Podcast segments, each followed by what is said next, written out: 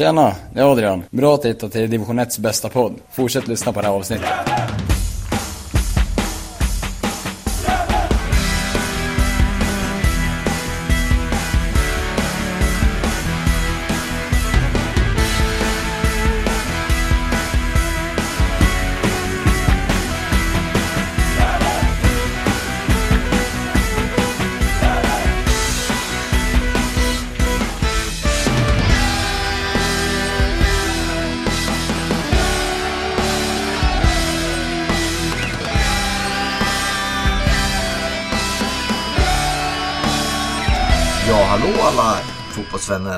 Hjärtligt välkomna till Gävlepodden nummer 183.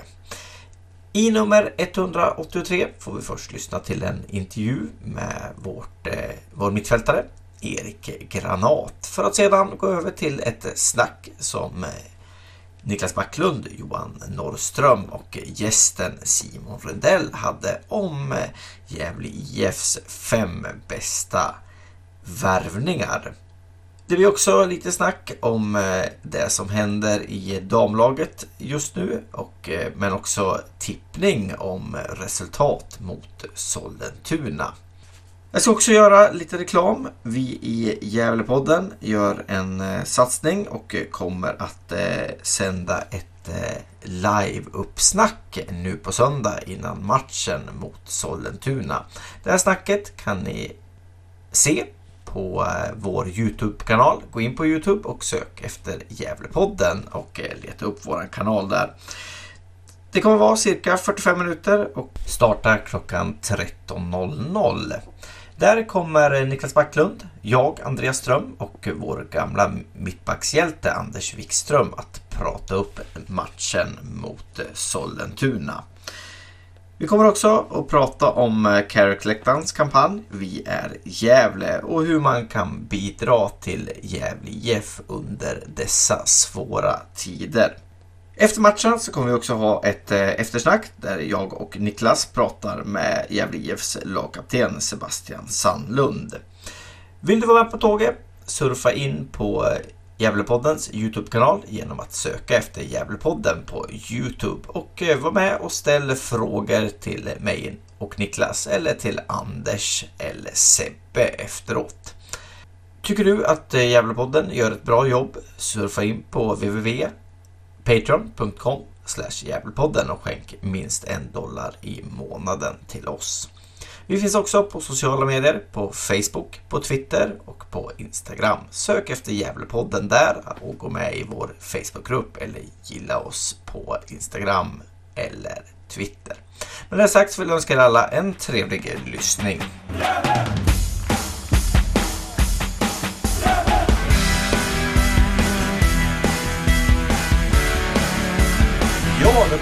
Gävlepodden med ytterligare en intervju. Denna gång har vi med oss vår, vårt mittfältsförvärv för året, Erik Granat. Hallå Erik! Tjena, tjena! Läget? Ja, det är bra. Har nyss tränat lite så att eh, vi kör ett litet samtal. Ja, Så, precis. att det, så det blir helt perfekt det. Ja, du var ju med i 169 där ungefär fem minuter efter att du, du blev klar för, eh, för, för Gävle eh, med, med Hugo där. Det är ett tag sedan nu. Ja, det var, några, det var nog någon månad sedan det. Eh, nu har vi fått träna på istället då, på grund av ja, coronan och sådär. Men, nej, men det har rullat på. Så att, eh, det har blivit några månader här nere nu. Ja, hur är känslan då inför söndagen och att det äntligen kommer igång liksom? Jo, men det är klart att man är glad. Alltså, nu ska man äntligen få börja spela match. Det är därför man tränar, tränar varje dag. Eh, så att eh, i laget och för min egen del så är det ju bara positivt att vi drar igång på söndag. Man har ju liksom gått och väntat på det här ganska länge. Mm. Eh, så att, så att, nej men det känns bara, det känns bara bra liksom. Hur har den här långa försäsongen på grund av coronan påverkat dig personligen? Eh, jag skulle väl egentligen säga att det är klart att man började ju först, ville, eller skulle ha premiär 4 april eller vad det var. Eh, sen kom det ett nytt besked om, eh, om eh, 21 maj och sen kom det ju nu 14 då. Så att det har väl blivit lite att man har ju byggt upp förväntning tills ja, men det har blivit ändrat och då har det blivit lite soppatorsk. Man har väl liksom känt att fan nu blir det två månader till försäsong. Eh, men det har ju liksom öppnat upp sig i världen också så att man har väl ändå känt på sig att nu är den, ja, den 14 som är på söndag då, att det kommer dra igång då. då så, att, så att det var väl där, där i mitten på, eller i början på maj någonting så var det väl lite, lite, ja, vad ska man säga, det var lite soppatorsk. Men eh, jag tycker ändå att, ja, att vi har kommit igång och, och liksom jobbat vidare och, och ändå hållit upp nivån eh, och inte droppat på den då. Nej, och nu är det ju ett tag sedan ni spelade träningsmatch också. I alla fall mot annat motstånd än, än U19 och, och er själva om man, om man säger så. Hur, hur, hur känns det liksom att inte ha, ja, ha spela några matcher och så ska man rätt in i, i hetluften direkt liksom? Eh, eh, ja, alltså matchdelen är det väl kanske inte det största. Alltså det är ju bara kul att man ska få börja spela matchen. Det är det man har, har saknat då. Eh, det största problemet jag tror kommer bli för lagen är att det är, det är svårt att få matchlikt 90 minuter på träning. Eh, så att det, det, kommer kännas i kroppen, det kan jag säga. Kanske inte, alla kanske kan inte klara av att spela 90 minuter första omgångarna innan man kommer in i det. Eh, så det är väl det jag tror blir, både för vårt lag och andra lag, att det är det som har varit svårt att, att ha i träning. Då, att man ska kunna klara av 90 minuter. Och nu får ni, ni får fem byten ni, ni också va? Som, som alla andra tänkte jag säga, eller? Ja, ja, precis. Fem byten och så är det vid tre tillfällen. Då. Ja, det är ändå sex spelare eller fem utespelare som är tvungna att, att köra hela matchen. Så att, eh, ja. Jo, jo. jo precis. Ja. Hur är känslan annars då inför säsongen? Och, och eh, jag vet att du, du sa lite personliga mål i den här eh, förra intervjun. Och, eh, hur, hur, känns det nu liksom? Hur, hur ser du på, vad, vad, vill du uppnå i, i år personligen? Ja, personligen vill jag ju alltså jag spelade division 1 i fjol, gjorde det bra uppe i Torén och gjorde, gjorde mycket poäng. Eh, det är klart att jag vill ju vara där uppe och, och, nicka på de höjderna i år igen. Sen får vi se lite vart jag spelar på för position och sådär. Eh, det är ju, det är ju innermittfältare och det är ju interior som vi kallar det för då. Eh, in, ja, ytterforward som är lite i inner, innerkorridorerna och jobbar, eller vad man ska säga. Jag tror vi brukar säga eh, pocket, pocketspelare, tror jag vi brukar säga i podden. Ja. ja. Ja, just det. Ja, men det, det kan nog vara samma typ om... Ja, sådär. Eh, så att det är väl de två jag konkurrerar på då. Det, det kommer väl göra att, att jag ändå kommer vara med där framme och göra det, det där sista eh, passet eller skottet eller vad det nu blir då. Eh, så att, nej men jag, jag har väl det som mål och liksom ha det som måttstock att fjolårets säsong eh, poängmässigt då. Eh, sen eh, Sen är det ju såklart att jag vill bidra så mycket som möjligt till laget utöver alltså ett bra spel också då, såklart. Men ni hade ju en, alltså, jag vet inte, jag tror att eh, toppen i Tim Tege förra året var väl, var väl ganska stor, men ni hade en ganska liten trupp i Tim Tege. Jag vet inte hur många avbytare ni hade när ni var ner till Gävle, men det var ju inte, det var inte många som satt Nej, vi, Ja, nej, vi hade, vi hade faktiskt en riktigt tunn trupp. Ja. Eh, det, det var ju vi, jag tror vi var kan det vara tre, två, tre matcher där vi liksom åkte ner med en spelare på bänken. Eh, det var någon match, jag tror det var två matcher som andre keepern fick hoppa in som forward sista kvarten för att det fanns liksom ingen att byta in. Så att det är klart att vi jobbar ju ganska mycket i motvind där uppe då. Och det, det gick väl ut över säsongen också att det, det, går, det går inte spela 30, 30 matcher med en sån liten trupp. Eh, när det är så pass mycket skador som vi fick också då. I Gävle kanske du får lite bättre hjälp i år att det är en bredare trupp att det är liksom... Ja, ja alltså det, det, kom, det kommer ju behövas alltså, rulla runt på spelare. Eftersom att det är så tajt schema som, eh, ja, men som det har blivit nu med det här. Eh, så kommer det bli en annan rotation och, och sådär i laget så att alla kommer ju måste bidra. Eh, så att, eh, jo men det tror jag. Det tror jag. Vad, vad, tror du att vi kommer få se för matchbild på, på söndag då i, i premiären? Om du får, får sia lite. Om jag får sia så... Eh, vi har ju pratat om att vi vill ju vara bollförande. Eh, så att det är väl det vi jobbar efter. Att det är vi som ska styra matchen genom, och tempot i matchen genom att vi har bollen. Eh, så att det är ju vår förhoppning och det är så vi kommer vilja spela, spela i år. Så att det hoppas jag också att det syns på ja, tvn blir det ju nu då. Ja, vi gick ju igenom alla lagen här. Vi, vi får tacka för hjälpen med Tim Teger där av, av dig och hitta Mm, spelare mm. och intervjua och så. Men eh, alltså, jag tror att det var nästan alla lag utom Täby som sa att de skulle vara bollförande. Så det ska bli väldigt intressant att, att se hur, hur det kommer att se ut i, i serien helt enkelt. Det är många som vill ha, Ja. ha bollen. Nej, men vi har ju, Micke har ju byggt upp ett spel här nu som, som vi vill ju spela bollen efter backen och, och verkligen ha, ha bollen inom laget och inte, inte eh, chansa fram. Eh, utan vi vill göra det så kontrollerat vi kan eh, tills vi ska ta oss fram till, till målet. Då. Mm. Så att det kommer, det kommer ju behövas ja, men passa runt bollen och ha bollinnehavet och ja, sådär. För att vi ska kunna styra våra spel så som vi vill spela. Då. Eh, vilka krav tycker du att vi supportrar ska, ska ha på, på er som lag i år då? Eh, ja, det kan ju vara både det du sa nu men också liksom placeringsmässigt och, och så. Hur ser du på det? Eh, ja, alltså jag ser väl, ser väl... Vi har ju pratat om med laget att vi ska komma bättre än vad vi kom i fjol. Och eh, ja, det är väl, det är väl där man... Alltså jag känner själv att det, det är onödigt att sätta ribban... Liksom att sätta en ribba på en viss position och sådär. För det kan bara skapa, skapa press på oss om det inte skulle gå den vägen. Eh, I sådana fall tycker jag att som vi har sagt till laget, att vi, vi ska göra en bättre, bättre säsong än i fjol, komma en bättre position, eller ja, placering i tabellen och så jobba utifrån det. Eh, men jag själv känner att, känner att eh, övre halvan är väl någonting som jag känner att det borde kunna gå. Vi eh, tackar Erik Granat för eh, intervjun och eh, önskar lycka till på, på söndag och eh, säsongen. Äntligen! Ja, tack, tack.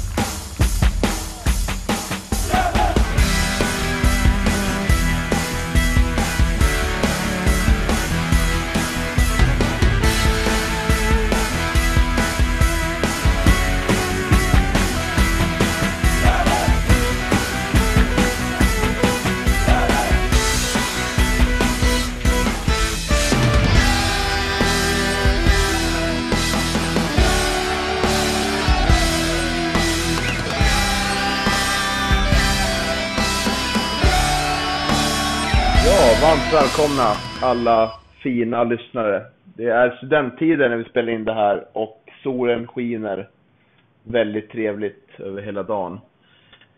Idag har vi med oss två, förutom jag Niklas Backe som pratar, två fina gäster. En person, Johan Norrström, är ju oftast med i programmet. Eh, du är välkommen Johan, hur är läget? Jo tack, det är fint. Ja, nej, jag har ju vet du, haft ett litet uppehåll här. Ett fiskeuppehåll kan man säga. Jag, jag har ju råkat befinna mig vid någon, någon trevlig sjö när, när det har varit dags för inspelning. Så det är kul att vara med igen. Helt klart. Skulle du säga att du är bäst på att fiska i hela podden? Ja, det, det är väl ganska dålig konkurrens i och för sig, men jag vet att eh, Hugo är ju ute och fiskar och sådär också. Så att, eh, men eh, kanske inte bäste fiskare, men kanske meste fiskare i alla fall. Helt klart. Jag var ju rätt bra på att fiska på plan. Då. Ja, ja, just det. Ja, men det är också en eh, bra egenskap. Man kanske kan säga att eh, du, du siktar på kvalitet då och Hugo på kvantitet, är det det du menar Johan? ja, det är det jag försöker lägga fram så fint så. Ja, spännande. Får se om Hugo kontrar på den när jag väl hör det här. Men vi har också med oss eh, en eh, otroligt eh, gammal poddlegendar i Gävle kretsar, om man nu kan kalla, kalla någon så. Det är Simon Rudell. Varmt välkommen, hur är läget? Ja, det är bra. Man eh, sitter i något slags eh, vakuum, men så varannan vecka i alla fall jobbar jag hemifrån. Då. Jag, jag jobbar ju på Arbetarbladet just nu, jag är politisk redaktör. Det vikarierar ju som. Men så den här veckan sitter jag bara hemma i, i min ensamhet och skriver lite på dagarna och sen ja, vet jag inte vad jag gör på kvällarna. Så det här var ju, det här kom ju lägligt och, och eh, bara få vara med i podden som, ja, det var väl kanske du och jag Backlund som startade upp. Eh, det är väl kanske inte samma längre, inte vet jag, men vi hade ju en jävla podd tillsammans eh, som hette Kungsbäcksvägen 24. Så det var ju, det är ju trevligt Ja, just det. Och vi, jag och Niklas noterade det häromdagen också att eh, de avsnitten går ju fortfarande att lyssna på ja, där poddar finns och på, på Spotify och sådär. Så att eh, vill man känna sig lite nostalgisk som, eh, som, som lyssnare så, så finns de avsnitten eh, att lyssna Mm. på. Så jag gör lite reklam för det helt enkelt. Nej, ja men det det är säkert ingen vrålkvalitet. Nej, det är väl det inte väl- det kan- Vi säg- oss fram. Ja, det var otroligt lärorikt får man säga, men eh, jag har inte vågat lyssna på dem själv. Det är ju det är en utmaning att höra sig själv prata alldeles för länge. Men Ja. eh, får du, är du bra på att strukturera upp dagarna, Simon, när du jobbar hemma sådär? Eller flyter ihop fritid och eh, jobb? Mm, ja, ja, jag jobbar ju eh, lite mer, men det är ju skönt när man är journalist att man alltid har en eh, deadline att jobba efter ändå. Jag vet inte hur bra jag hade klarat det här om, om det var någon så här flummig deadline långt fram som man jobbade ut efter. Utan det är ju deadlines varje dag. Så det är ju bara att jobba liksom, även fast man är hemma. Eh, så att, eh, på det sättet så eh, känns det ju inget svårt. Det, det, det flyter inte ihop. Nej. Vad skönt. mm. Ja, men eh, förra veckan när vi pratades vid så pratade vi om de sämsta och kanske märkliga värvningarna i Gävle IFs historia. Där bland annat Joakim Karlsson, den ökände Josef Engiol kom upp och några andra härliga lirare som Haruna Moshi och sådär. Men idag ska vi prata om lite mer spelare som har gjort en stor gärning för Gävle IF och eh, varit väldigt utmärkande på ett positivt sätt. Och det är de bästa värvningarna. Så vi har tagit ut eh, fem spelare var då. Och det kan ju mycket väl Mm. vara samma spelare. Men jag har gjort en liten, vad man kan basera det här på. Och då finns det olika sätt att se det på, som vi säkert har gjort, tänkt lite olika sådär. Men det kan ju vara dels här intäkter för klubben. Hur mycket har spelaren gett klubben intäkter när den blivit såld? Hur stor eh, betydelse har den haft för laget i sin helhet? Var det en viktig målvakt, viktig för försvaret? Var det en poängspelare? Eller kan det vara någon som eh, öste i mål? Eller kan det vara någon som var betydelsefull på bänken, kanske till och med? Mhm. Eh, mm. Och sen tänker jag på tidsaspekten också. Vilken tid spelar den här spelaren i klubben kan man också väga in. Är det något mer man ska väga in, tycker ni grabbar? Simon? Lät, ju rätt, lät ju rätt heltäckande det där ändå. Eh, det, det målar väl upp att det finns, bara att det finns en massa som man kan ta i beaktning liksom. Eh, och det får man väl beskriva själv sen eh, beroende på vem man väljer. Varför man tycker det. det är väl inte svårare än så. Men det var ett kul eh, förra avsnittet. Det var många namn då som, eh, som dykt, eh, dök upp liksom som man hade glömt lite grann. Det här kommer väl mer vara namn som man, som man känner till och kommer ihåg väldigt bra. Så att, men det är kul med, det är kul med listor alltid. ja. Ska Johan, vill du börja med ett namn kanske? Eller ska vi köra hela listan rakt av? Vad tycker du? Ja, men eh, vi kanske ska följa samma, samma schema som ni körde sist eller på samma sätt när vi droppar ett namn kanske. Eh, och eh, ja, vad ska jag börja med? Det, risken är väl att det, att det blir eh, samma namn kanske, men eh, jag skulle vilja börja med René Makondele.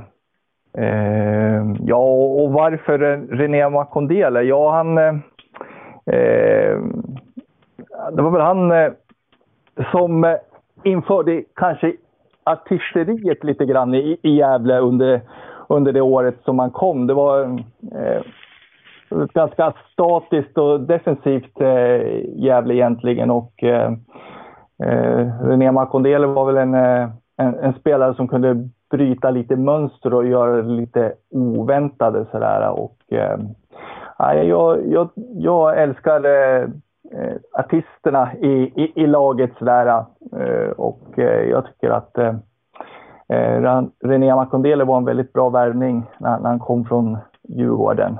Hade väl det lite tufft i början sådär men, eh, men eh, kom ju i, igång när han började lära sig och, och bli van vid konstgräset på Strömvallen så, så växte han ju ut till att bli en riktigt eh, viktig spelare för Gävle. Så eh, René Makondele, det är mitt första namn. Mm. Jag kan ju säga direkt att jag har ju honom bland mina fem också. Mm, ja, jag också. Men eh, Johan, du har, du har Makondele på femte plats, kan man tolka det så? Nej, alltså jag är... Jag tog bara en från, från listan nu. Jag har inte, jag har inte gjort eh, någon eh, liksom, ranking på det viset, utan, eh, utan jag började med René, René Eh, jag tänkte att det kanske var någon av er som inte hade honom med helt enkelt, men jag vet inte, det kan ju vara intressant att höra er eh, motivera, motivera varför ni har med honom på listan då. Mm. Ja, jag har också liksom utan inbördes ordning då.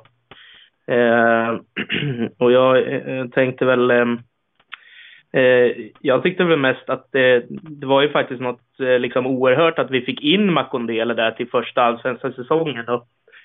På ett lån eh, som sedermera övergick i en eh, riktig deal. Och eh, ja, men han eh, Alltså han kom ju från Djurgården som just då var Sveriges bästa lag. Eh, hade vunnit SM-guld två år i rad.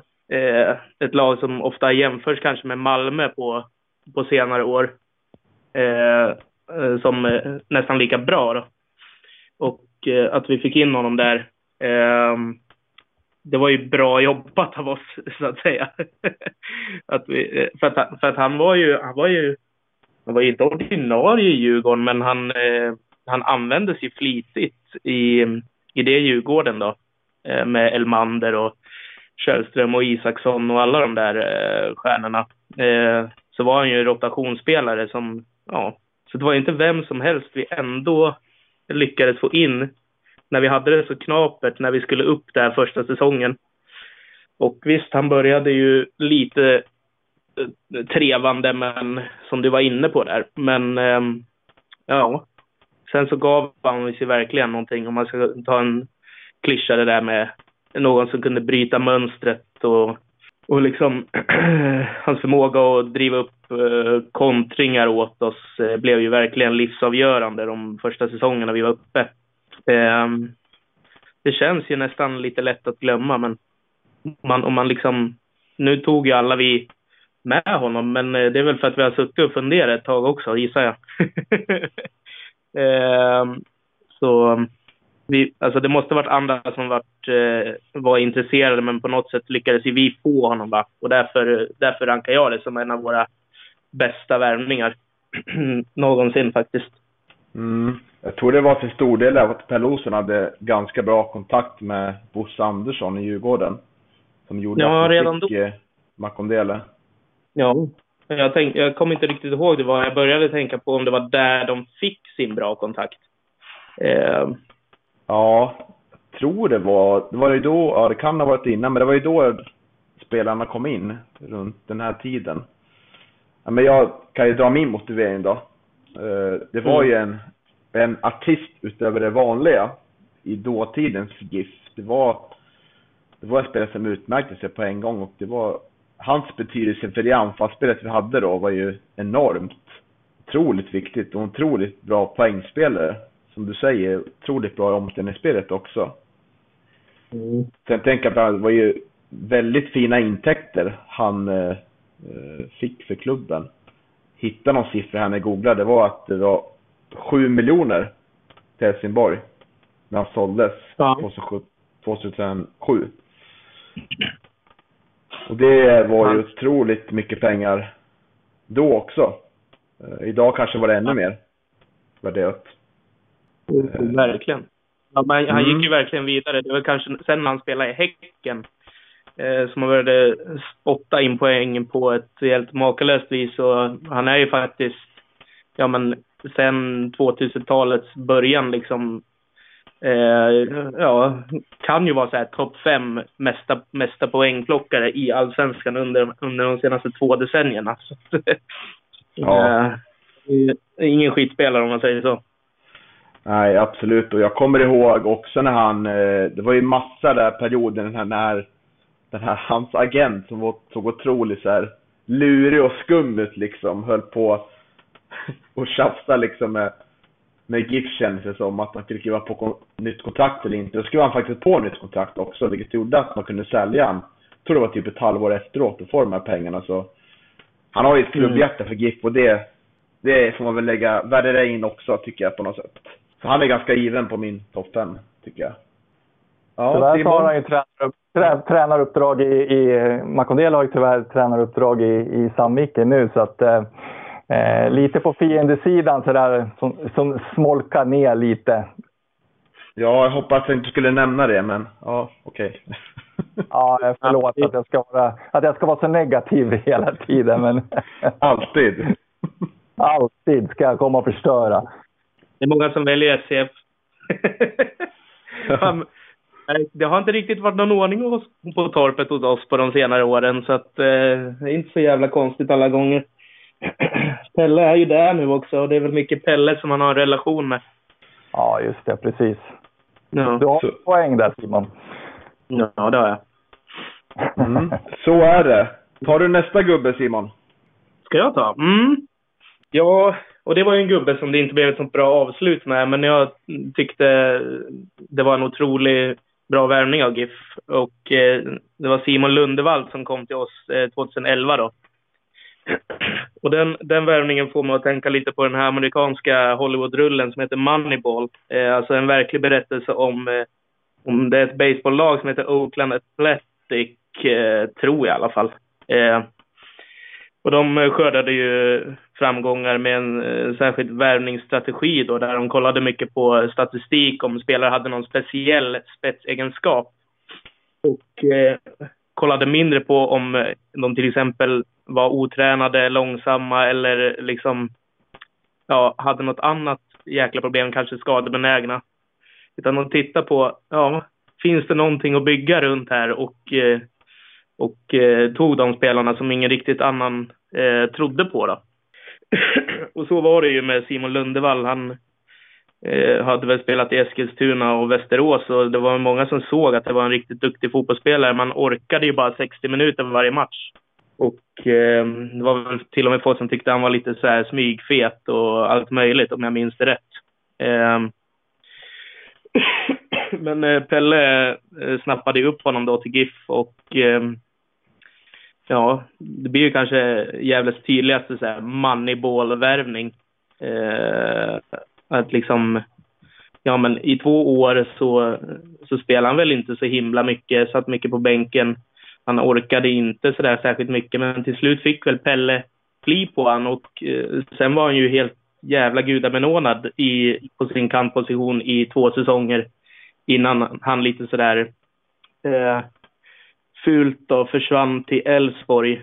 Eh, minns väl hela den historien kanske med, ja men dels gick han ju gratis och dels eh, så satte han ju på sig Elfsborgströjan och poserade liksom trots att han fortfarande spelade för GIF. Då var det ju lite eh, dålig stämning så att säga. Men eh, ja, det var ju någon vi verkligen eh, liksom såg något i som inte andra såg och förädlade och sen var ju han en av allsvenskans bästa spelare i många år. Så att det var en sanslöst bra värvning. Nu fick vi inte ut något ekonomiskt, men ja, det, ändå, det säger ändå någonting om den fingertoppkänsla GIF hade på den tiden. det var väl ungefär vad jag skulle säga om Lundevall. Då.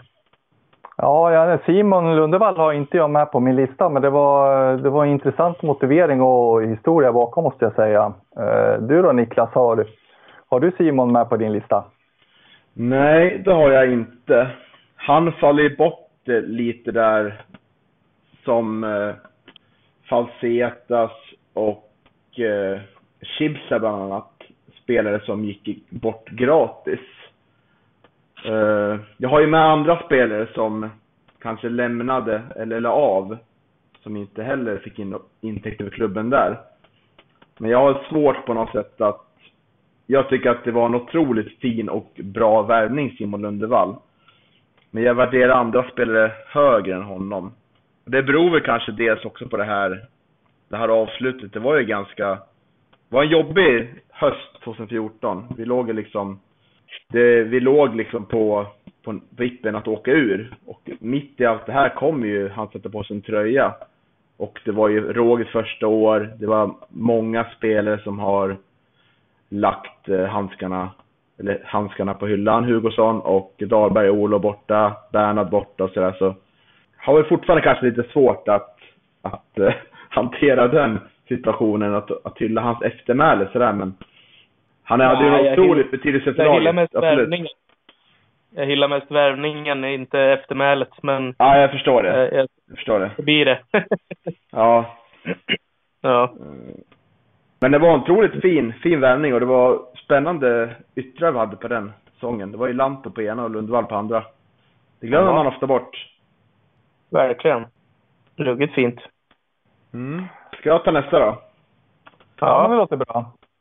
Ja, då kommer jag ta en liten eh, oväntad eh, person här då.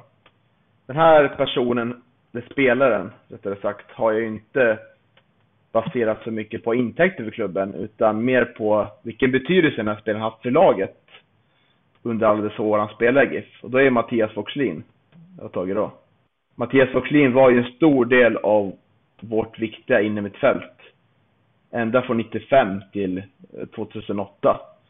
Eh, otroligt, eh, det är en av de bästa spelarna som, som har spelat i GIF i modern tid så länge jag har sett klubben.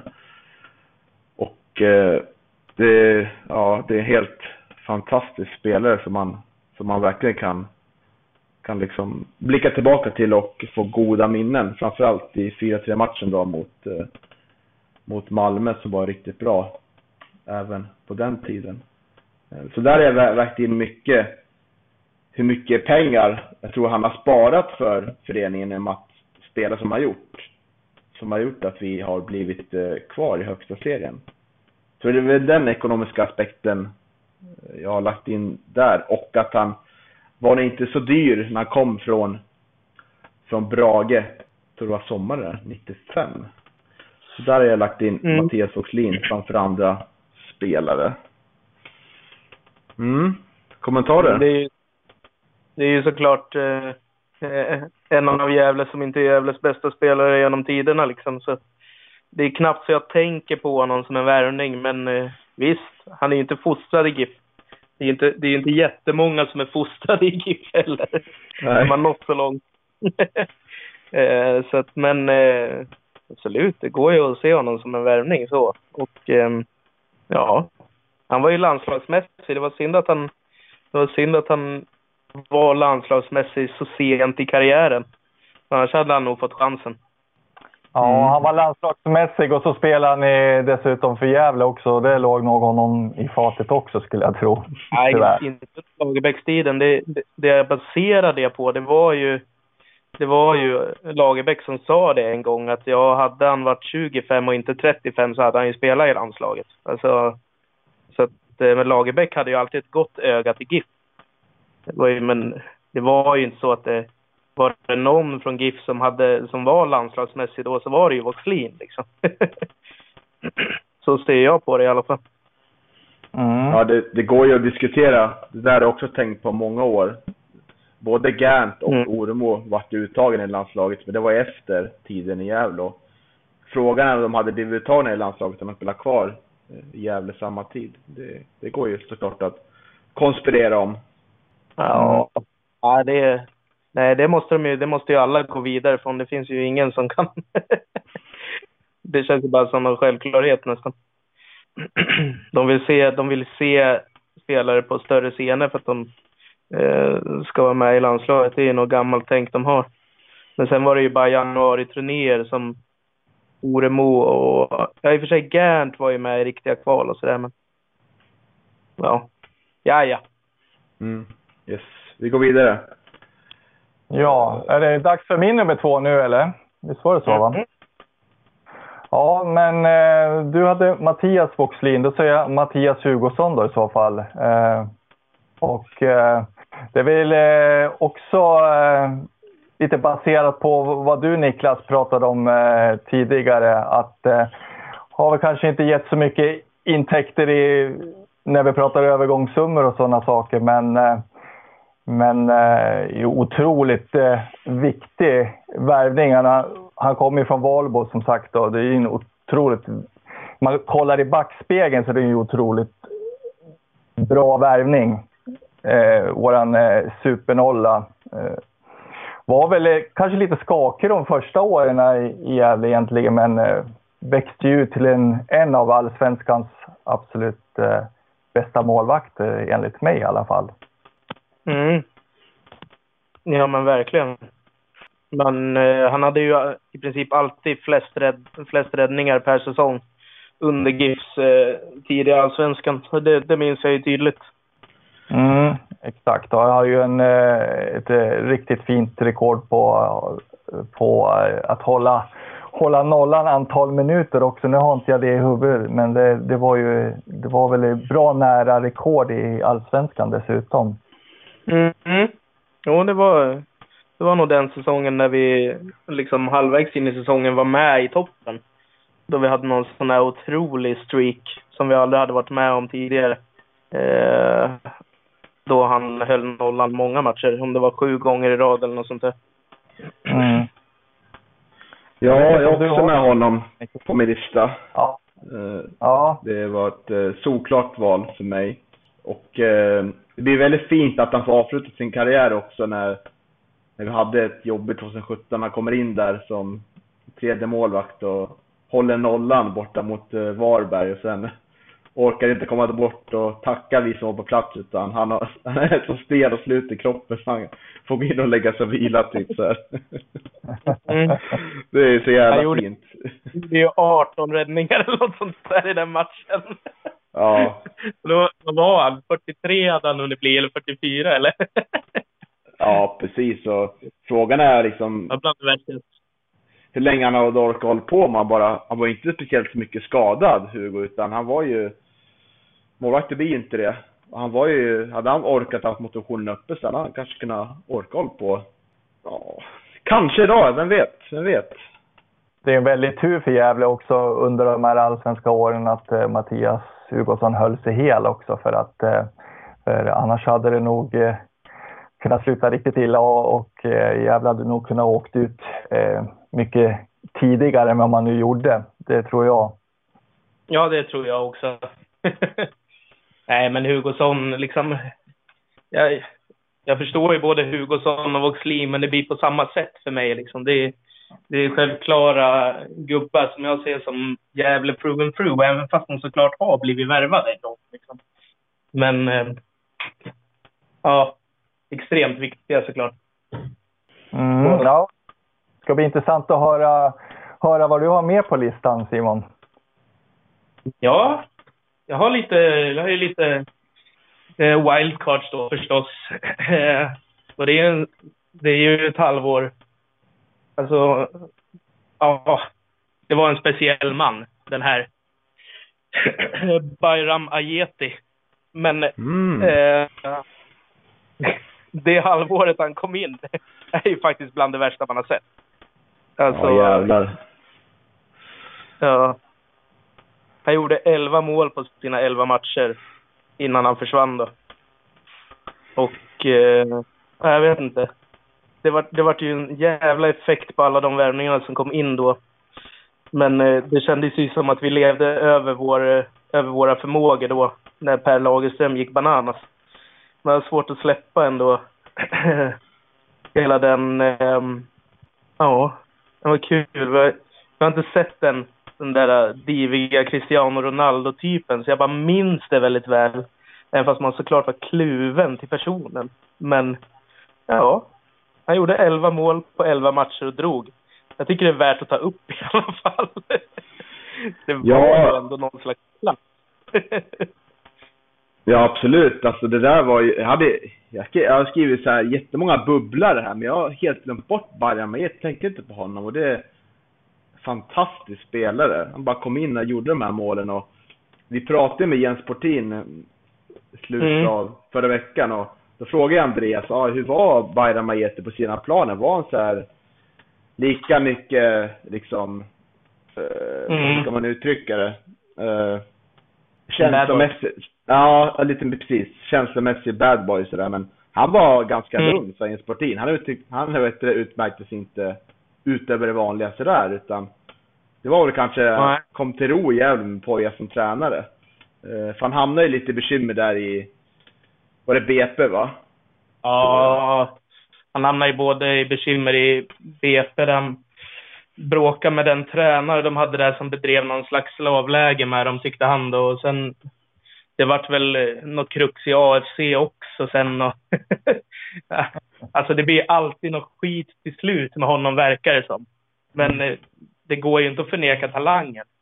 Och det, går ju, det gick ju inte den superettan-säsongen att säga något annat än att det här var ju en allsvensk spelare som vi lyckades få in. Som man matade in mål och sen försvann.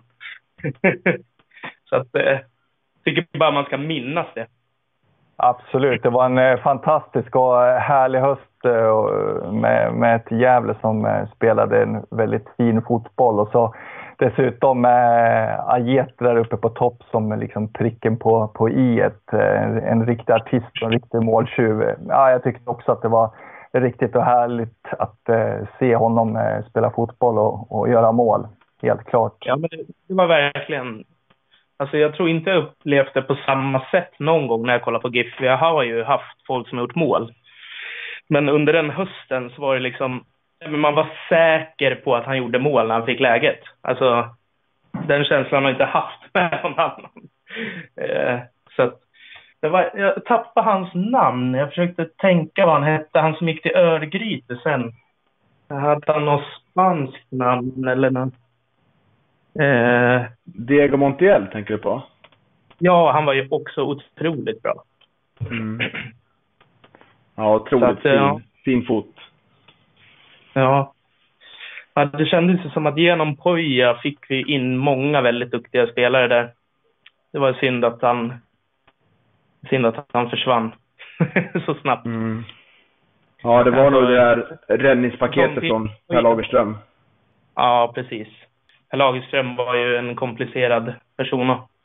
Men eh, en säsong till med Poja och vi hade ju gått upp i Allsvenskan igen. Så, så var det ju då. Jo, det var ju känslan helt klart.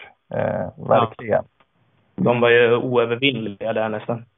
Så att ja, det var Bayram Ajeti då. Som eh, jag hade som min tredje då egentligen. Som jag också snackade om Makondele. Mm. Ja, just det. Och då är det Niklas tur nu. Mm. Ja, det här blir min fjärde gubbe då. Och eh, det är Amadou Javo, tänker jag på, såklart. Säger såklart om alla mina namn. eh, han eh, spelade inte i GIF så länge. Eh, det var bara ett och ett halvt år, säsongen 2008 och halva 2009. Men eh, vi fick ju otroligt mycket pengar för honom. Det var ju åtta millar. Och eh, var ju en otroligt komplett anfallsspelare. 41 matcher, 10 mål, men även otroligt eh, bra poängspel. Gjorde mycket assist också. Och eh, ja, han blomstrade verkligen ut där och det var ju efter vi tappat Johan Oremo som, som han kom in som den nya, nya drömvärvningen. Och eh, tyvärr fick man inte se, ofta med de här spelarna som går alldeles för bra under en kort period så försvinner de ju från GIF. Men han gjorde ett kort intryck och många av oss har ju liksom fantiserat, ja, ah, kommer han komma tillbaka nu han hamnar i frysboxen i Djurgården och sådär. Och det var ju lite synd att att det inte blev så. För att eh, han var ju väldigt populär när han spelade på Strömvallen. Det var ju en publikfavorit. Även, även var- bland oss som, som stod närmast kärnan i klacken liksom. Han bjöd alltid på sig själv och ville ställa upp foton och sådär. Ja, det var det bland det värsta man sett ju. Man kunde hålla bort spelare och sådär på mitt plan och så himla kraftfull och kanske inte, kanske inte målsprutan nummer ett, men han banade ju väg för många andra och så. Och sen, eh, sen minns jag ju hur, hur många straffar han drog på sig. Daniel Mm. Theorin var väl en av våra bästa målskyttar en säsong där när Javo spelade för att han la ju straffarna då. Eh, så det, det kommer jag ihåg väldigt mycket. Mm, han bildar ju ett, eh, ett, ett väldigt fruktat anfallspar egentligen eh, med, med Hasse Berggren då, Javo. Och, eh, eh, och jag vet ju att eh, jag läste i kvällspressen, jag vet om det var Aftonbladet eller Expressen, just när de rankade anfallspar så, så var ju liksom eh, Bergen Javo var ju, var ju där uppe i toppskiktet. Och, ja, de, det var, de var respekterade helt enkelt. Ja, men det måste varit ett oerhört fysiskt tungt anfall som ändå, i och med Javo, hade snabbhet. Det, det är klurigt att möta. Ja, otroligt giftiga i omställningarna det där, år, det, det där ett och ett halvt året med, med Berggren och Javo. Och, eh, mm. Mm. Lanto ute på kanten också. Var det Babupa som spelade ute på andra kanten tror jag? Eller eh, var det tidigare det? Eh, nu ska vi se, vad, vad sa du? Bapupa, visst var det han som spelade ute på högerkanten då under de där åren? Eller ja, det... var det tidigare det kanske? Kan ha varit det, men ja, det gick väl åt skogen någon gång där också. Alldeles när vi hade sålt honom till Kalmar. ja, just det. det var ju också en affär. Grisig affär skulle jag kalla det. Ja, GIF är, GIF är duktig på de där. Fast det, det, kanske vi ska ta ett helt annat program. Ja, eh, nu pratar ja. vi om, eh, om, om värvningar som var bra. Bästa försäljningarna. De bästa försäljningarna. Jag vet inte. Ja. Ja. Verkligen. Men har ni med Javo på er lista?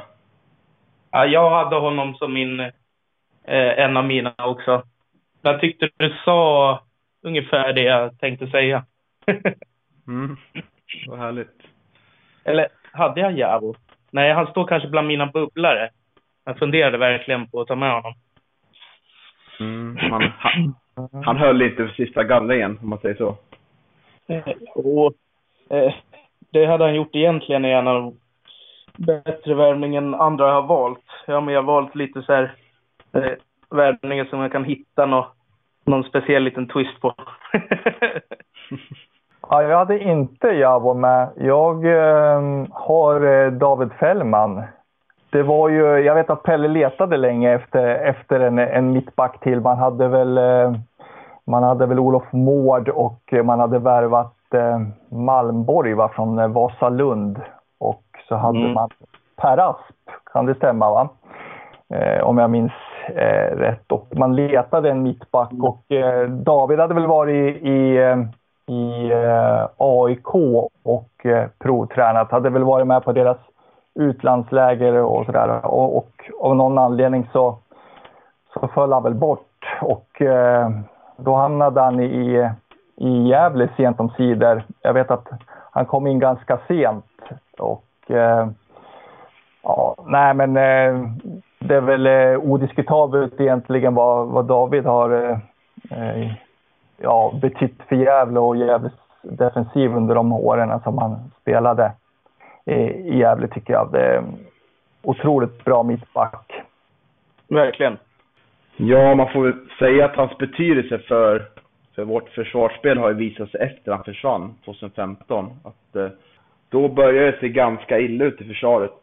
Eh, vi åkte ur serier och eh, fanns ingen tydlig ledargestalt i, bland mittbackarna där. Så det har ju visat sig mm. långt efteråt han försvann. Man, man såg det kanske inte lika tydligt, inte jag i alla fall, när han spelade i klubben på samma sätt. Nej, men ser, ser man tillbaka så ser man ju var nedgången börjar och det börjar ju ja, när Fällman försvinner ungefär. Jo, det är ju så. Eh, jag vet att jag tog just eh, det här eh, värvningen, eller att han försvann till till Kina. Där jag, tog det ganska hårt faktiskt. Jag var ganska orolig då vad det skulle innebära för, för försvarsspelet när han försvann. Och det, det visade sig att det, det var inte så himla bra. Och, eh, det är som du säger också att man kanske inte såg det så mycket under de åren han, han spelade, men, men just att, att ja, det fick stor betydelse att han försvann. Eh, och eh, eh, man, man ser ju nu i Hammarby vilken, vilken duktig mittback det är. Ja, men verkligen. Han, är han fortfarande ordinarie där nu? Nej, inte riktigt va, men, men han har varit det. Ja, precis. Jo, han har ju varit det och säkert betytt väldigt mycket för Hammarby också. Mm. Under de säsonger han har varit där. Han är väl en typisk sån eh, person vid sidan av som blir väldigt populär även bland Hammarby-fansen också. Eh, tycker jag mig ha märkt. Det är väl en sån personlighet. Eh, väldigt trevlig vid, vid sidan av. Hel ylle kille. Ja, och en kille som ger 100 procent i, i varje match och i varje närkamp. Och liksom. det, det går ju aldrig att, att diskutera. Man, man ser ju alltid att han verkligen försöker till 100 procent i varje match. Så det är sånt som man uppskattar som, som supporter. Mm. Ja, Ja. han hade inte ända längre, lända, jag kan inte prata. Han hade inte ända längst fram på min lista utan hamnade bland eh, bubblare där. Eh, Det gjorde han. Men det var, han var ganska nära att komma med ändå tycker jag. Eh, Men det, det är tufft att komma in på listan, topp fem. Och det får man se som ett gott betyg, helt klart. Har, eh, har vi sagt Johan Oremo än? Nej, det är väl det vi alla väntar på va? Ja. Jag jag misstänker att det är det namnet vi alla har kvar. Om inte Johan och suger Fockar. på den kar- Ja, vi sitter och suger på den karamellen samtliga tre här. Du, Ja, du, får gärna börja. Ja, du, du, verkar, du vill, verkar ju vilja liksom, eh, ta det spåret nu Simon, så, att, eh, så kör på Oremo du, får vi höra här. Ja, men jag har ju honom utom tävlan. Alltså, det känns som att det är på en annan nivå än alla andra värvningar vi gjort. Liksom. alltså, från division 3 till den här liksom, totala Buster-sagan med 11 mål första säsongen. Eh, liksom allt det där. Hur hypad han var då alltså. Han skulle bli liksom landslagsspelare och inte landslagsspelare bara sådär eh, ja, Asienresa på våren, utan landslagsspelare på riktigt, trodde man han skulle bli. Och eh, han blev ju årets nykomling och eh, såldes iväg 2007 för liksom en monstersumma på 10 millar på den tiden. Floppade väl tyvärr i Djurgården och landade så småningom efter skadefyllda år varit runt lite, kom väl kanske tillbaks till GIF från Tromsö igen om jag minns rätt och eh, liksom blev till slut efter att ha suttit på bänken några år bakom Dahlberg och Orlov viktig igen för GIF. Så att eh, jag menar, ja. Alltså det är liksom så här rent affärsmässigt eh, och fyndmässigt så är det ju inte bara GIFs eh, liksom bästa värvning någonsin utan en av liksom allsvenskans allsvenska historien genom tiderna bästa fynd och bästa affärer liksom som gjorts.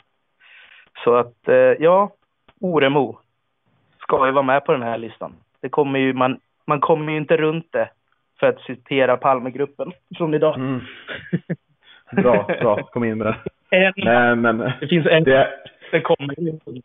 Och det är inte Stig Engström utan det, det, det är Johan Oremo. Ja. Eh, nej, men man kan komma ihåg också att uh, Gävle fick ju en till miljon när han såldes till Halmstad 2017.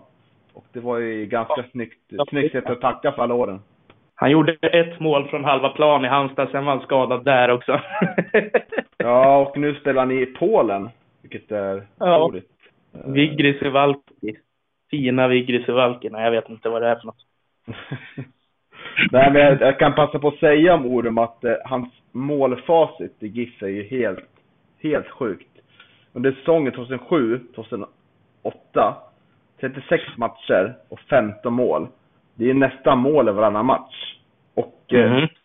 sett till totala då till GIF, 172 matcher, 55 mål. Det är nästan också mål var tredje match. Och det, det är ganska bra för en anfallare vill jag hävda. Ja. Eh, Sjuka ja. siffror. Helt klart, det är sjuka siffror. Och det, eh, det är som du säger Simon, att det är ju otvivelaktigt eh, att, han, att han ska vara med på listan över de bästa värvningarna. Det fantastisk spelare. Och det är samma där. Det är samma som eh, med Fällman. Eh, kämpa insatsen, den kan man aldrig ifrågasätta när man har eh, Oremo på plan. Han, han är också en spelare som ger 100 procent jämt. Mm. Verkligen. Okej, ska vi... Får jag passa på att gå igenom lite bubblare då på min, på min lista? Som jag tänkte... Ja. Det är ju Fällman som sagt, som vi var inne på. Uh, Jonas Lantto var ju en liten bubblare där. Han kom ju ganska billigt från Kiruna. Uh, men han kom inte ända längst fram, för jag tycker inte att han... Han var inte tillräckligt betydande de första åren, som han kanske blev under de sista åren i GIF. Därför mm. sållades han bort lite. Och jag uh, ser ju honom som, som jag ser Hugosson och Voxlin typ.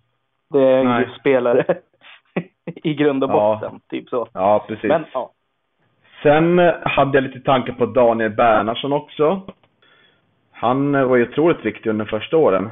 Eh, eller under alla år, men första året gjorde han ju otroligt mycket mål. Konstigt nog. Mm. Men han eh, fick vi inte in någon pengar för, så kanske att det vägde in lite, lite det där. Anders Wikström fick vi mycket pengar för när han gick till Elfsborg, har för mig. Mm. Men, ja. Alexander Gant är ju ett kontroversiellt ämne i GIF-sammanhang, helt klart. Eh, men han var ju otrolig, alltså han var också en fantastisk spelare, både målskytt, men kanske framförallt fram assist poängtagare, hur man kan uttrycka sig. Han gjorde åtta mål mm. 2010 innan han såldes till Helsingborg, men han var ju fantastisk den våren. Helt otrolig. Han blommade ut liksom från att, det var väl vad vi sa, typ försäsongen innan, tror jag. Var det 2009 eller 2008 då? Han var ju otroligt kass då. Det var ju såhär, vad har vi värvat för någonting? Men eh, sen eh, när han verkligen fick förtroende där så blommade han ut. Han gjorde egentligen, han gjorde egentligen två mål i sista omgången säsongen innan. Så han hade väl egentligen, ja, tio mål på ehm, på flera raka svenska matcher där i början om man räknar in våren och den sista matchen förra säsongen. Så jag tror att det lossnade om det var assyriska. Nej. Vilken var uppe då? Kanske var syrianska då. Det känns som att det var någon av de klubbarna. Eh, som man nätade två mot i slutet av säsongen innan. Och fick det att lossna liksom. Det var ju lite, ja, men eh, absolut Gärnt alltså. Det var ju också bland det värsta man har sett. På, på många om och perspektiv kan man säga. Jo, ja. Uh, ja, sen tänker jag på... Uh, ja, förlåt. Ja, nej, men sen tänker jag på Patrik Karlsson, eller numera heter han ju Bojent, men jag ville kalla honom Patrik Karlsson för rätt så ett annat spelare GIF. Hans Vänsterfot mm. där under de två säsongerna han spelade GIF, 05-06 var ju otroligt fin. Och eh, han, ja. eh, han glömmer jag aldrig. Han är ju, han är nog den bästa vänsterbacken i modern tid som har spelat i GIF, vill jag hävda. Ja, det Så är det nog. ja, otroligt duktig spelare. Så mm. jag håller med. Och eh, det som är eh, lite intressant eh, var ju det ni pratade om i, i eh, i eh, förra, förra podden att den, den andra Karlsson, han som fick eh, spegeln på, på hälen, han eh, ansågs ju vara ännu bättre. Så att det hade ju varit... det var ju synd att man aldrig fick se honom spela. Ja, det hade kanske varit en landslagsspelare vi värvade. med tanke på hur bra, med tanke på hur bra Putte Karlsson var så... ja, mm. precis. Den sista spelaren på med en bubbla som man kommer att tänka på är väl kanske Eh, ja, jag vet inte om man eh, håller under en längre period, men det är Daniel Sulan Westlin som jag tänker på där. Han var ju ganska betydelsefull, i alla fall under åren i Superettan då. Gjorde otroligt mycket ja. poäng 2004. Särskilt när vi var nere i division 2 där. Eh, då gjorde han väl liksom hur mycket mål som helst när han kom från efter att ha försökt i Göteborg. Eller nej, han kanske försökte i Göteborg efter det. Jag kanske blandar ihop det nu, men ja. Ja, helt klart att Sulan var viktig. Han vart väl lite av en supersub sen på uh, under de allsvenska åren där. Och, eh, Mm. En sån där som man eh, bytte in för, för att springa där uppe och på kontring och sådär. Och eh, gjorde, väl, eh, gjorde väl ett mål i, i, den, eh, i den här omtalade matchen i, mot Malmö. Eh, när man vände. 0-3-4-3. Ja, jo men det kommer jag ihåg. Jag minns Sula mycket för att han, ja men han hade liksom inte blicken uppe riktigt. Han kollade ju ofta på bollen när han sprang. alltså, så att jag vet inte om det var någon stor spelförståelse, men han borrade väl ner huvudet och körde och så blev det mål ibland liksom. Ungefär så minns jag Sulan liksom. Han var lite svår att förstå som spelare ibland, för det såg inte ut att gå jättefort och inte så teknisk heller, men han gjorde de där målen och var på, han var på rätt plats ändå liksom. Så ja. Ja. otroligt fascinerande och fin spelare. Han har ju liksom, han har ju försvunnit lite så här i mediesammanhang efter att han slutade med fotbollen, vilket är vilket är synd, för vissa av de här andra, Hugo, Bernhard och Voxlin, de, de syns ju lite då och då upplever det som. Men han är liksom, kanske har valt själv att lämna media. eh, helt på sidan. Ja, men jag tycker, jag- tycker det känns fint att vi ska ha någon som är lite mystisk också. Det lär man ha. En grå eminens som man liksom funderar. Vad gör Sulan idag? Det, är något för oss i podden att ta reda på kanske. Vad Sula Ja. Jag har för mig att Andreas har forskat lite i det, men kanske inte fått något, fått något svar. Men helt klart. Det, det ska vi fixa. Så han måste ju fan hitta Sulan. Hör du det här Sulan så hör av dig till Gävlepodden. ja. ja. Vi vill veta vad du gör idag. Jag Kan betala, faktiskt, det var min enda invändning i, eh, kring förra podden. När han säger att han fått tag på Josef Engiol och inte berättar mer om hur det är med, med karln. Det får ni ta upp i nästa podd. Ja, vi ska framföra det, helt klart. Simon, det är, det är, det är ju Patreon-material. Jaha, ja ja. Nej, jag skämtar. Ja, men eh, du, eh, när, när du är klar med, med dina bubblor Niklas, så kanske jag får ta min femte på listan då. Ja, just Du går ju händelserna i förväg här lite. Jag har ju ett namn på min lista. Okej, ja, Eh, ja, förlåt. Kör du. Ja, min eh, femte spelare Hasse Berggren. Kanske egentligen båda gångerna han värvades till klubben, så att säga. Han värvade ju s- först eh, från, från Hamrånge till, till Gävle och var ju riktigt duktig då när han kom.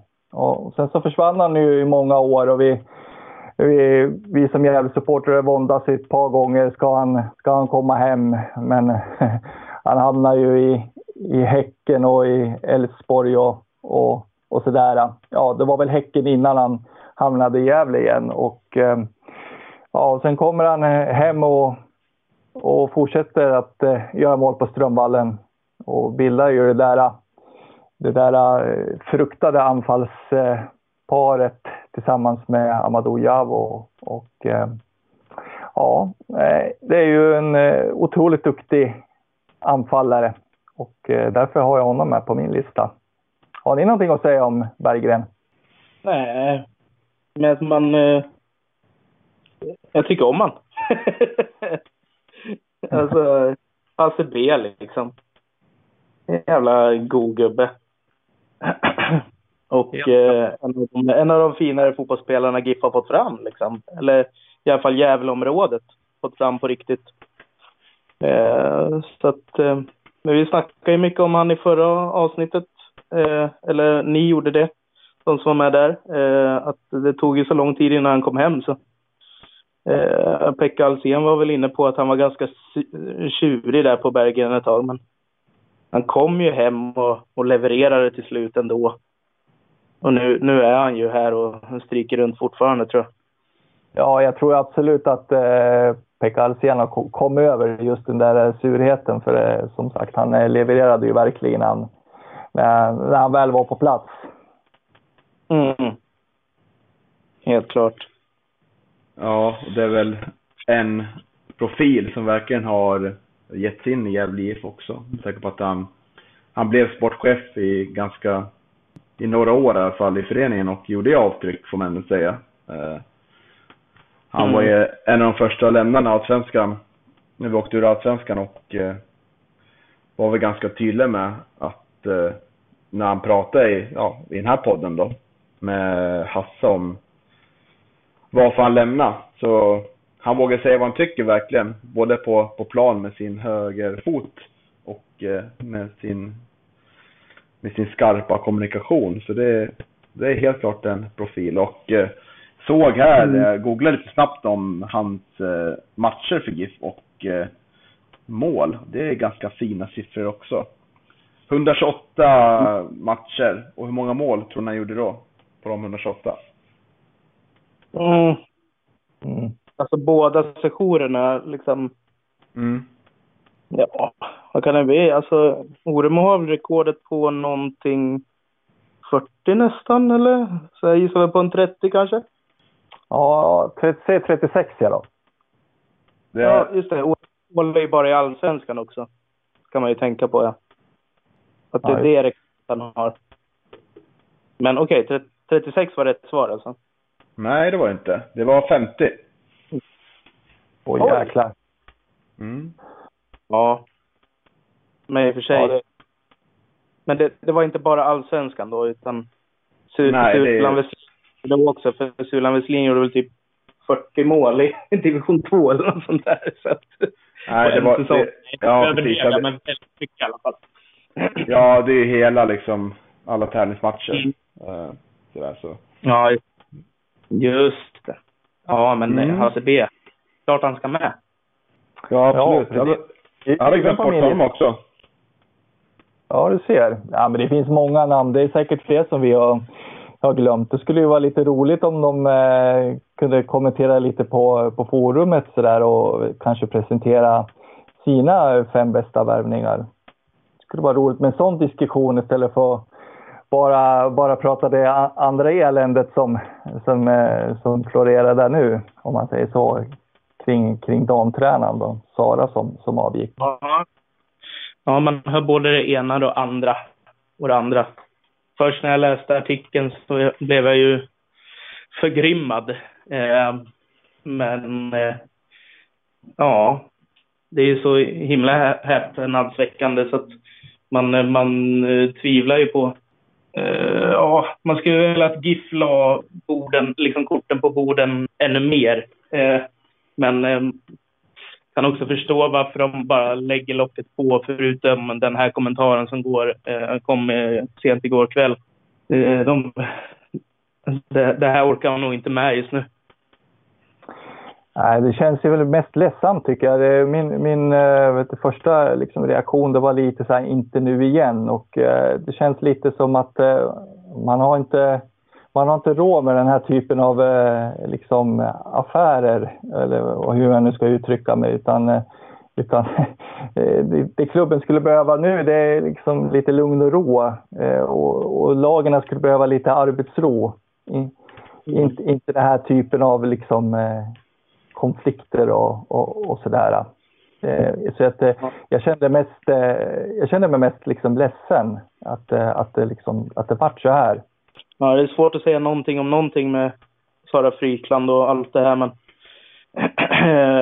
men... Eh, ja, det känns mest som ett symptom på en klubb som har det jävligt tajt med pengar för tillfället och jävligt svårt att få ihop alla delar och mata alla munnar liksom. Eh, så att det, det är klart, det börjar ju skava någonstans. Och ehm, är det här om hotanklagelser och liksom försöka tysta sant så är det ju eh, illa. Men ja, man, man hör både det ena och det andra så att eh, man får ju bara, jag vet inte, vänta och se om det kommer något mer. Jag tänker ju på att eh, oavsett vad som är sant eller inte sant i den här historien, från vilken sida, så blir det ju på ett sätt att det, det här är ett problem som har genomsyrat klubben de senaste åren. Att det är liksom ingen klar kommunikation vad som vad som förväntas i Gävle IF tycker jag. Eftersom det kommer så här, folk slutar hit och dit. Ganska Mm. ofta har det varit nu liksom. Och då Det- är det, något, det är något knasigt, det är något knasigt med, med organisationen tycker jag. När det blir så här åter och återigen. Det är ingen ordning på torpet så att säga. Utan, och verkligen, du säger någonting där med just kommunikationen. För det verkar ju onekligen som att Sara Frykland eh, har en, haft andra förväntningar på eh, liksom, det jobbet hon ska ha i GIF än vad hon senare liksom, upptäckt att det innebär. Eh, och att det är väl där program, problemet till stor del ligger. Liksom. Så att, ja, de har kommunikationsproblem, onekligen.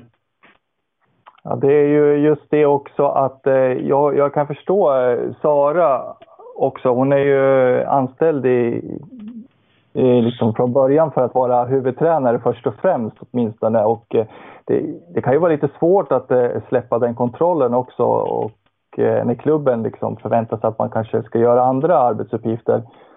Eh, så skulle jag, jag personligen känna i alla fall att eh, jag menar, det det är jag som är huvudtränare och eh, då vill man ju, då vill man ju veta vad som försiggår ute på plan kring träningar och förberedelser och sånt där. Och, och, så att, jag kan förstå Sara att det är lite svårt att släppa det också.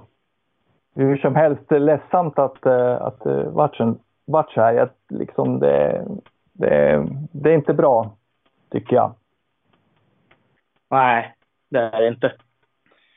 Var vi klara med våra bubblare? Ja, om inte ni har något, något andra att tillägga. Om, ni, om jag har missat Ja, någon. Man ska låta dem i forumet, forumet kasta ur sig, men man tänker ju på sådana Josef Schibsa, Micke Dahlberg, Jakob Orlov, Johan Bertilsson. Sådana där gubbar. Ja, men det är bra Simon. Du har talat om för dem vad- vilka de ska skriva upp. Det, det är bra. Eh, lite, lite tips i forumet. Det är bra. Men vi kanske ska börja avrunda då Johan, eller vad säger du? Har du något mer? ja. Nej, jag, eh, jag känner mig klar och nöjd. Mm. Vad härligt. Ja. Då eh, hoppas jag att eh, ni hade det trevligt. Jag funderade på om vi skulle tippa, tippa matchen på söndag, men så vart jag osäker på den här podden kanske inte kommer kommer ut före söndag. Men vi kan ju tippa matchen ändå. Det är ju omstart eh, mot Sollentuna nu, äntligen. Eh, men vad har du för känsla inför säsongen, Simon? Och kanske framförallt inför matchen på söndag då? Eh, ja, jag tror ju vi parkerar i mitten någonstans. Eh, om jag får hoppas. Eh, jag tycker vi har ju fått in en bra kille där i Lidberg på topp. Som kommer göra mycket mål. Eh, och eh, ja, det känns som att vi kanske har fler lagspelare än vad vi hade i laget förra säsongen flera som gör jobbet, flera ödmjuka spelare som, som inte tycker division 2 är eh, lite under deras värdighet, om man ska säga så. så eh, jag, tror, jag tror inte det blir lika svettigt i år. Eh, Mic- Micke Bengtsson verkar ju vara närmast militäriskt också, så det ska nog bli lite ordning i laget på planen. Eh, så det är väl min eh, spontana känsla eh, sådär lite snabbt om hela laget och hur det kommer att gå. Eh, mot Sollentuna, de var ju inte en av de bättre motståndarna förra året, så jag tycker vi ska börja med en seger. Eh, vad säger vi? 2-0. Mm. Ja, det låter inte? op- optimistiskt och bra. ja. Det tycker jag låter bra. Det, det tar vi. Mm. Eh, för ordningens skull skulle jag väl ändå vilja säga att Gävle spelar ettan och inte tvåan. Så, att, eh, så det, det är ju skönt att vi, det är ettan åtminstone. Just ja. Ja, men jag var ju inne på. Jag var ju inne på... Det är så jävla rörigt. Men det var ju division 1 även när... Även när Sulan var nere i GIF också. Jag har nog sagt tvåan ett tag nu. jag har menat division 1 hela tiden. Ja, men... Eh, ja, ja, precis. ja, eh, men... Eh, ja, jag har ju redan tippat eh, Gävle i ett program här tidigare vi, som vi hade här. Och jag tror väl också att, att en mittenplacering, det, det är vad Gävle kommer få nöja sig med. Och jag tycker väl att framförallt är det här tränarparet känns väldigt intressant med, med Micke och Mehmet och jag tror att de kommer att kunna få riktigt fin fason på det här laget. Och ja, Lidberg kommer ju att, att göra mål. Det, det, det, har vi förstått av, av det vi har fått sett under träningsmatcherna. Så att, eh, det är väl ingenting vi kommer behöver fundera någonting om, tror jag. Och eh, förhoppningsvis så kommer det att och leda till många fina trepoängare den här säsongen. Eh, ja, borta mot Sollentuna nu på söndag då. Det är, eh, eh, det är alltid tufft med premiär och det, det är borta. Men eh, det skulle ju sitta riktigt fint om man kunde, kunde återupprepa eh, 1-0-vinsten emot eh, eh, mot Sollentuna som man eh, tog i, i höstas här. Och, eh, Eh, så att, eh, jag, hoppas, jag hoppas och tror på, på 1-0 till, till Gävle. Ja. Ja. Det är också taget. Precis, ja, jag håller med det ni sagt. Jag tror att det blir en, en fin seger. Eh, jag är inte så övertygad av Sollentuna i år och vart inte så övertygad av det jag såg förra året heller. Jag på att vi tog fyra av sex poäng, så jag tror på en 3-1-seger. Eh, och det kan bli fantastiskt kul att se fotboll igen, svensk fotboll. Eh, dock utan vara på plats. Det kommer kännas otroligt eh, märkligt faktiskt. Eh. Riktig svensk fotboll. Precis. Väg in ordet riktig svensk fotboll. det kan bli ja. avsnittsnamnet på det här. Kul att se riktig svensk fotboll. det är väl ändå Sollentuna gift. Inför noll ja. personer på läktaren. Det är riktigt ja. svensk fotboll Jävligt fin arena, Sollentunavallen. Jag var inne på förr, men ja, jag gillar Sollentunavallen. Ja, och eh, den, eh, den matchen skulle man nog kunna, om man var på plats i Stockholm och i närheten av Sollentuna, skulle man nog kunna se matchen lite på avstånd sådär. För att eh, man har ju fin utsikt där uppe från berget och man behöver ju faktiskt inte vara på på, på själva arenan för att se matchen. Så att, eh, eh, ja, hade, jag, hade jag bott i krokarna så då, då, hade jag nog stått där utanför stängslet och suktat faktiskt. Backlund börjar lyssna noggrant nu. Han. ja, nu ångrar han bodde ju där många år, ganska nära. Så det är synd att man ja, tillbaka till Gävle. ja. Det var jäkligt ja, dumt nu så här med facit i hand. Ja, dålig ja. timing. Väldigt. mm. Ja, ja. Vi, nöj, vi nöjer oss med det här, tänker jag. Och så tackar vi Simon för att du var med. Får jättegärna vara med flera gånger. Ja, jo, men det, det kan säkert bli läge. Man sitter ju bara hemma som sagt.